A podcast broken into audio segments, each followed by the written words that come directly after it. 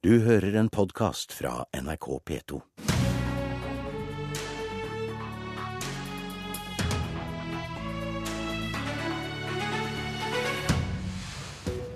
Siden i fjor sommer er oljeprisen halvert.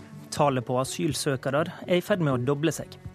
Hva slags politiske grep trenger vi nå? Politisk kvarter arrangerer vår egen minitrontaledebatt mellom statsministeren og opposisjonslederen. Velkommen hit, Erna Solberg og Jonas Gahr Støre. Takk.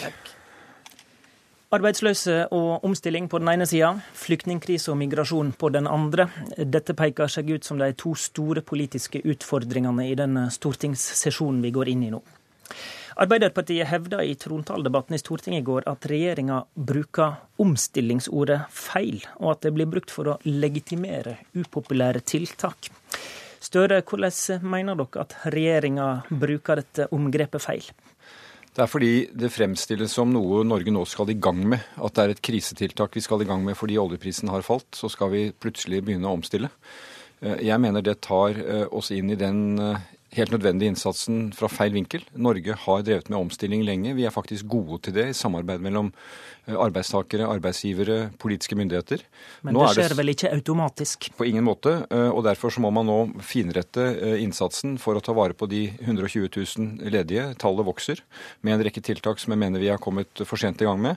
Og vi må ha en næringspolitikk inn mot de områdene av Norge som sliter nå. Sør-Vestlandet, olje- og gassindustrien, leverandørindustrien.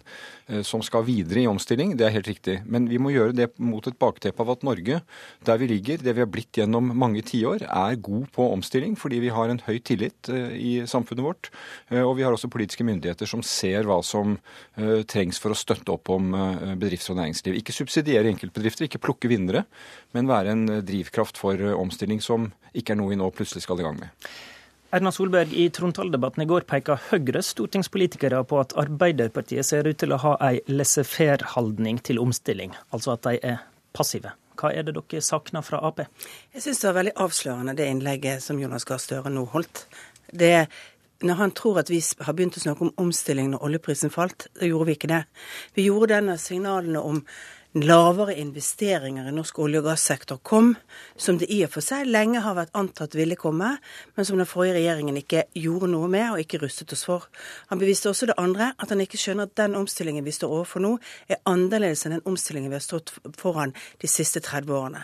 I 30 år har Norge levd med en olje- og gassnæring som har vokst, hvor etterspørselen etter arbeidskraft fra den har vært med på å bidra til omstillingen andre steder.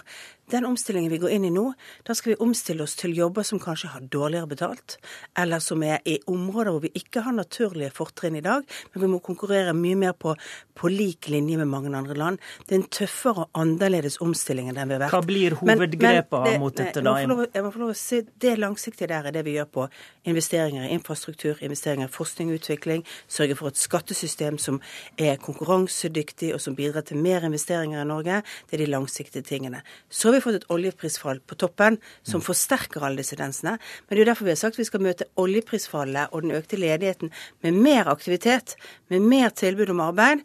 Men den langsiktige omstillingen går lenger og er annerledes. Og Arbeiderpartiet har nå bevist de har ikke forstått at den omstillingen vi står overfor nå, er ganske annerledes enn den omstillingen vi har hatt de siste 30 årene. Det er riktig at vi er godt rustet på noen områder, men den tilbakelentheten jeg hører fra Arbeiderpartiet, den står i forhold til hva de gjorde i regjering, men den står ikke i forhold til oppgavene fremover. Dere har ikke forstått dette? Ja, men dette er jo helt oppsiktsvekkende. Eh, tilbakelenthet. Dette er jo en regjering som har kommet for sent med tiltak mot ledigheten eh, og for omstilling ved hver korsvei. I går la vi et forslag i Stortinget om å utvide permitteringsregelverket, slik at du ikke blir sagt opp, men kan stå noe lenger i permisjon. Nettopp for å støtte bedriftene i sin omstilling, ta vare på kompetansen. På en lang rekke områder så har denne regjeringen brukt pengene feil, på store usosiale skattekutt som ikke har ført til økte investeringer. Men la oss men, vi, men, men, men altså, statsministeren har ansvar på sin vakt. Nå må hun som politiker og som regjering møte den utfordringen. Vi hadde i våre år, jeg er nødt til å gjenta det, jeg tror lytterne har hørt det før, i våre år så ble det skapt 350 000 nye arbeidsplasser, to av tre i privat sektor, og vi var gjennom Europas mest alvorlige finanskrise i 2008-2009. Men, men la oss tenke fremover, da. Nei, nei, Og da, og da klarte vi omstilling, og nå skal vi se mot 2020, og da er det tiltak som eh, skal treffes her og nå. Greit, Som sentralbanksjefen sa veldig tydelig, veksten i de årene var båret av én ting, og det var en høy oljepris og en høy etterspørsel etter olje i verden. Nå er vi altså i en annen virkelighet. Vi blir mer lik de andre europeiske landene. Vi må jobbe mer med gründerskap, vi må jobbe mer med, med det å sørge for mer forskning, utvikling, snappe nye arbeidsplasser. Vi skal faktisk, vi blir likere enn de andre i den lange omstillingen, og det er mer utfordrende. Det, det vi gjør på kort sikt, det er jo faktisk å løfte aktiviteten i Norge. Gjennom det, skatteletter? Er det nei, det som blir det viktigste? nei, det er veldig viktig å si skattelettelse er en del av den langsiktige omstillingen. Den Ikke den bidra til de- Nei. Og det har jeg sagt hver gang jeg blir spurt. Skattelettelse er en del av den langsiktige omstillingen. Den skal bidra til flere bedrifter, nye områder. Den skal bidra til mer investeringer og trygghet for velferdssamfunnet vårt på lang sikt. Mer aktivitet, og det sa vi også i valgkampen. Vi kommer til å legge frem et statsbudsjett som har mer aktivitet, som går målrettet på å skape arbeidsplasser. Arbeiderpartiets svar er å holde folk på tiltak og holde de permittert lengre.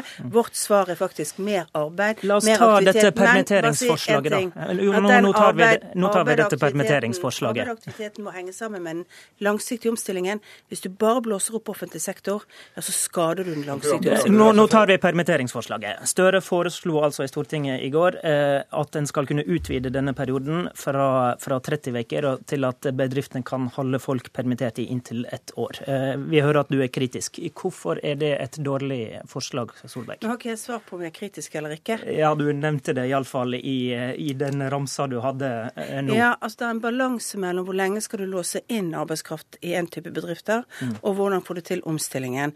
Nå har de fremmet det forslaget i, i, i går, det skal behandles i Stortinget, og regjeringen kommer til å gi sitt svar.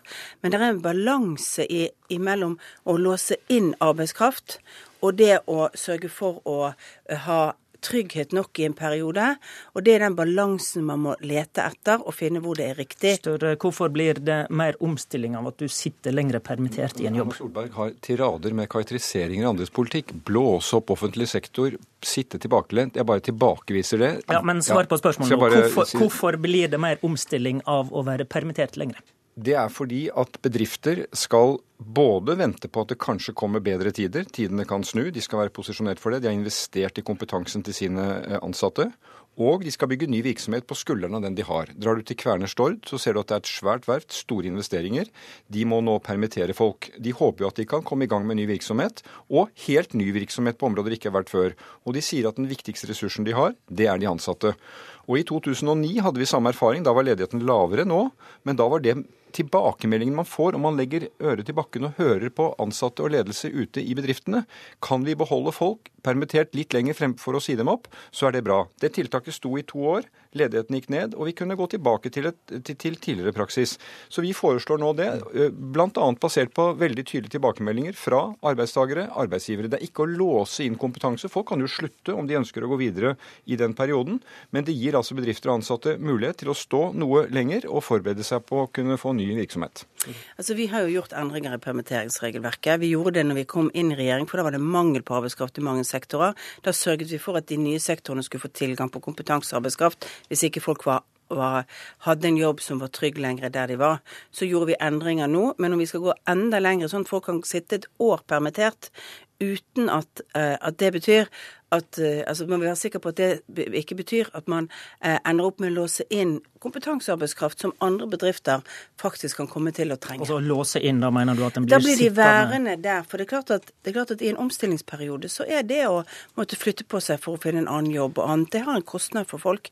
Og spørsmålet er liksom bidrar det til den omstillingen, både til det grønnere skiftet, til andre aktiviteter, at folk blir værende med kompetanse i en bedrift som da kanskje ikke har oppdrag, mens andre kommer kanskje til å mangle det. Det er et ganske brutalt ord, da. Låse inne kompetanse. Eh, Jeg tror det vi hører er at eh, for det første gründerskap. Statsministeren vil støtte gründere. Det har vært snakk om planer nå i to år. Vi har lagt fram helt håndfaste gründerpakker for å støtte de som starter bedrift. Men de som starter bedrift, eh, det er jo ikke der de nye arbeidsplassene kommer i første omgang. Det tar ofte litt sånn tid for at en bedrift vokser og ekspanderer. Skal vi møte situasjonen i forhold til ledighet, så er det jo bl.a. å ta utgangspunkt i de bedriftene som er, som i veldig mange norske sammenhenger er konkurranseutsatte, de er omstillingsdyktige, de vet hvordan de skal tilpasse seg. Og Derfor handler det ikke om å låse inne, men det handler om å ta vare på det viktigste i norsk industri, i norsk næringsliv. Det er de ansattes kompetanse. Vi skifter tema. De store folkevandringene framstår som Europas store utfordring om dagen. Og hvordan vi skal takle vår bit av dette, blir selvsagt et viktig politisk tema i høst. Du Støre, starta den debatten i Stortinget i går med å kreve at Frp-leder Siv Jensen må forklare seg fra Stortingets talerstol om denne oppfordringa hennes i valgkampen, der hun ba sine folk i kommunene om å si nei til bosetting av flyktninger. Statsminister Erna Solberg, vil du være komfortabel med at finansministeren gjentar den oppfordringa fra Stortingets talerstol? Finansministeren har vært helt tydelig på at denne regjeringen jobber for eh, for å bosette. Og det er finansministerens jobb også i Stortinget å svare på. At man i en kommunevalgkamp som partileder for et valg, parti som går til valg i, i mange kommuner i dette landet, presenterer det, det, det, spørsmålet de har, det er faktisk en annen sak. Sånn at da må hun formulere det annerledes fra Stortingets ja, altså i, I, finansministeren står bak en regjering som sier at vi skal bosette i kommunene. Da er det vel greit, Støre? Nei, det er ikke greit. Eh, jeg husker i kommunevalgkampen så var statsministeren opptatt av at vi uttrykte oss litt annerledes om kommunereform og kommunesammenslåing. Det ville vært hjelpsomt om Arbeiderpartiet snakket mer som Høyre. Det kan jeg ikke love statsministeren. Men hvis vi forfølger den logikken, så er det jo helt oppsiktsvekkende i norsk praksis at du har ett parti i regjering som ikke bare har et annet syn i sitt program og driver valgkamp, men hvor lederen, og som er regjeringens nummer to, går ut og sier nei til å bosette, oppfordrer kommunen til å si nei. Nå, nå mener jeg at eh, Siv Jensen kan få anledning til å korrigere det, for det har skjedd mye siden midten av august med sterkt tilstrømning av flyktninger. Denne regjeringen åpner nå 50 nye mottak. Der kommer det mennesker, 7000 flere. Det kan bli opp over 30 000 til neste år. Eh, og da mener jeg at eh, regjeringens nummer to har som sitt siste siterte budskap til kommunene si nei til bosetting. Det blir jo hørt. Og så går hun inn på Stortinget og sier at nå er jeg finansminister, jeg støtter regjeringens politikk. Det lærer du på ethvert introduksjonsprogram. At du må støtte regjeringens politikk, Stortingets politikk hvis du sitter i regjering. Men jeg mener at dette, dette fortjener en oppklaring. For hvis kommunene skal være med på den dugnaden, så kan de ikke høre sånt splittet budskap fra en regjering. Ja, jeg mener at det er veldig tydelig hva regjeringens politikk er. Og så er dette et veldig lite spørsmål i forhold til det virkelig store spørsmålet nå. Mm. Nemlig at vi faktisk får et antall asylsøkere nå som vi ikke noen gang tidligere har fått. Og, og, og er en stor utfordring. Du, du har uttrykt uro for at yttergrensekontrollen i Schengen-systemet har ramla sammen. Men hva gjør vi med det? Skal vi eh, få mer permanent grensekontroll på grensene til våre nordiske naboland, eller å begrense hvor mange som kommer hit, eller hva, hva vil vi? Vi skal gjenopprette Schengens yttergrenser og yttergrensekontrollen. Det er det EU jobber med. Det er det vi har sagt vi støtter opp under. Det er å sørge for å få hotspots, altså områder hvor man regulerer og registrerer de som kommer inn i landene hvor folk kommer først. Eh, det betyr at vi må være med på den solidariske dugnaden som vi har innenfor EU. Det er der grensekontroll skal skje. Eh, og så må vi sørge for at vi f.eks. sånn som vi i dag har, mer grensekontroll på vår grense. Eh, særlig den rettet mot Sverige på Svinesund, hvor vi i dag registrerer flyktninger mer når de kommer. Det er der vi, vi, vi tar imot de i første runde. For å registrere, for ikke for å stoppe? Ikke for å avvise, for å registrere. Alle har rett til å søke asyl og få vurdert sin asylsøknad når de kommer. Og kommer de til grensen og sier de søker asyl, så skal Norge også behandle den asylsøknaden, enten ved å se at de kan returneres til andre land, enten enten gjennom den raske prosessen vi har på å gjøre det på 48 timer hvis de kommer fra land som det åpenbart ikke er problemer i, men også den lange prosessen på de som kommer og trenger å ha behov for beskyttelse. Større må vi begrense hvor mange som kommer hit? Det regelverket vi har nå, er jeg helt enig med Erna Solberg at uh, du skal ha rett til å få din uh, søknad vurdert. Uh, det er viktig europeisk tradisjon og asylinstitutt. Hvorvidt regelverket må endres framover, det får vi jo se på i, i, nært samarbeid med europeiske land. Jeg tror denne saken her inviterer til at partiene på Stortinget kommer bredt sammen, finner løsninger, står sammen om dem. Og det er ikke noen liten sak det jeg sa i sted, Erna Solberg, om kommunene. fordi at etter at de har vært på et mottak etter å ha kommet til Norge, så skal de ut i kommunene. Så her henger den reisen veldig sammen. Men nå prøvde jeg å høre etter om ja. du svarte ja eller nei på. Må vi begrense hvor mange som kommer hit? Eh, vi begrenser ikke det ved å lukke Norges grense. Men Europa, som skal ha en felles grense, må få orden på sitt system både ved sine yttergrenser og uh, dette såkalte Dublin-regelverket. Vi kan ikke returnere folk fra Norge til land som har fullstendig sammenbrutte systemer, sånn som det har vært i Hellas, sånn som det er i Ungarn f.eks. Det er vi nødt til å være endret praksis på. Og så tror jeg vi må gå gjennom en lang rekke ordninger langs hele denne integreringskjeden. Bosetting, hvordan vi skaffer boliger, hvordan vi ordner det, fordi antallet blir så mye større. Solberg. Altså, vi er nødt til å begrense på den måten vi kan begrense på. Eh, og det betyr mer hjelp i nærområdene.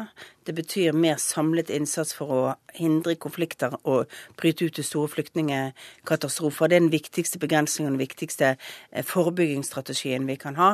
eh, Ved å ha Schengen-grenser som fungerer. Men også ved å ha en returpolitikk som gjør at de som får avslag, faktisk returneres raskt. Jeg hører at noen tar til orde for at vi ikke skal gjøre det.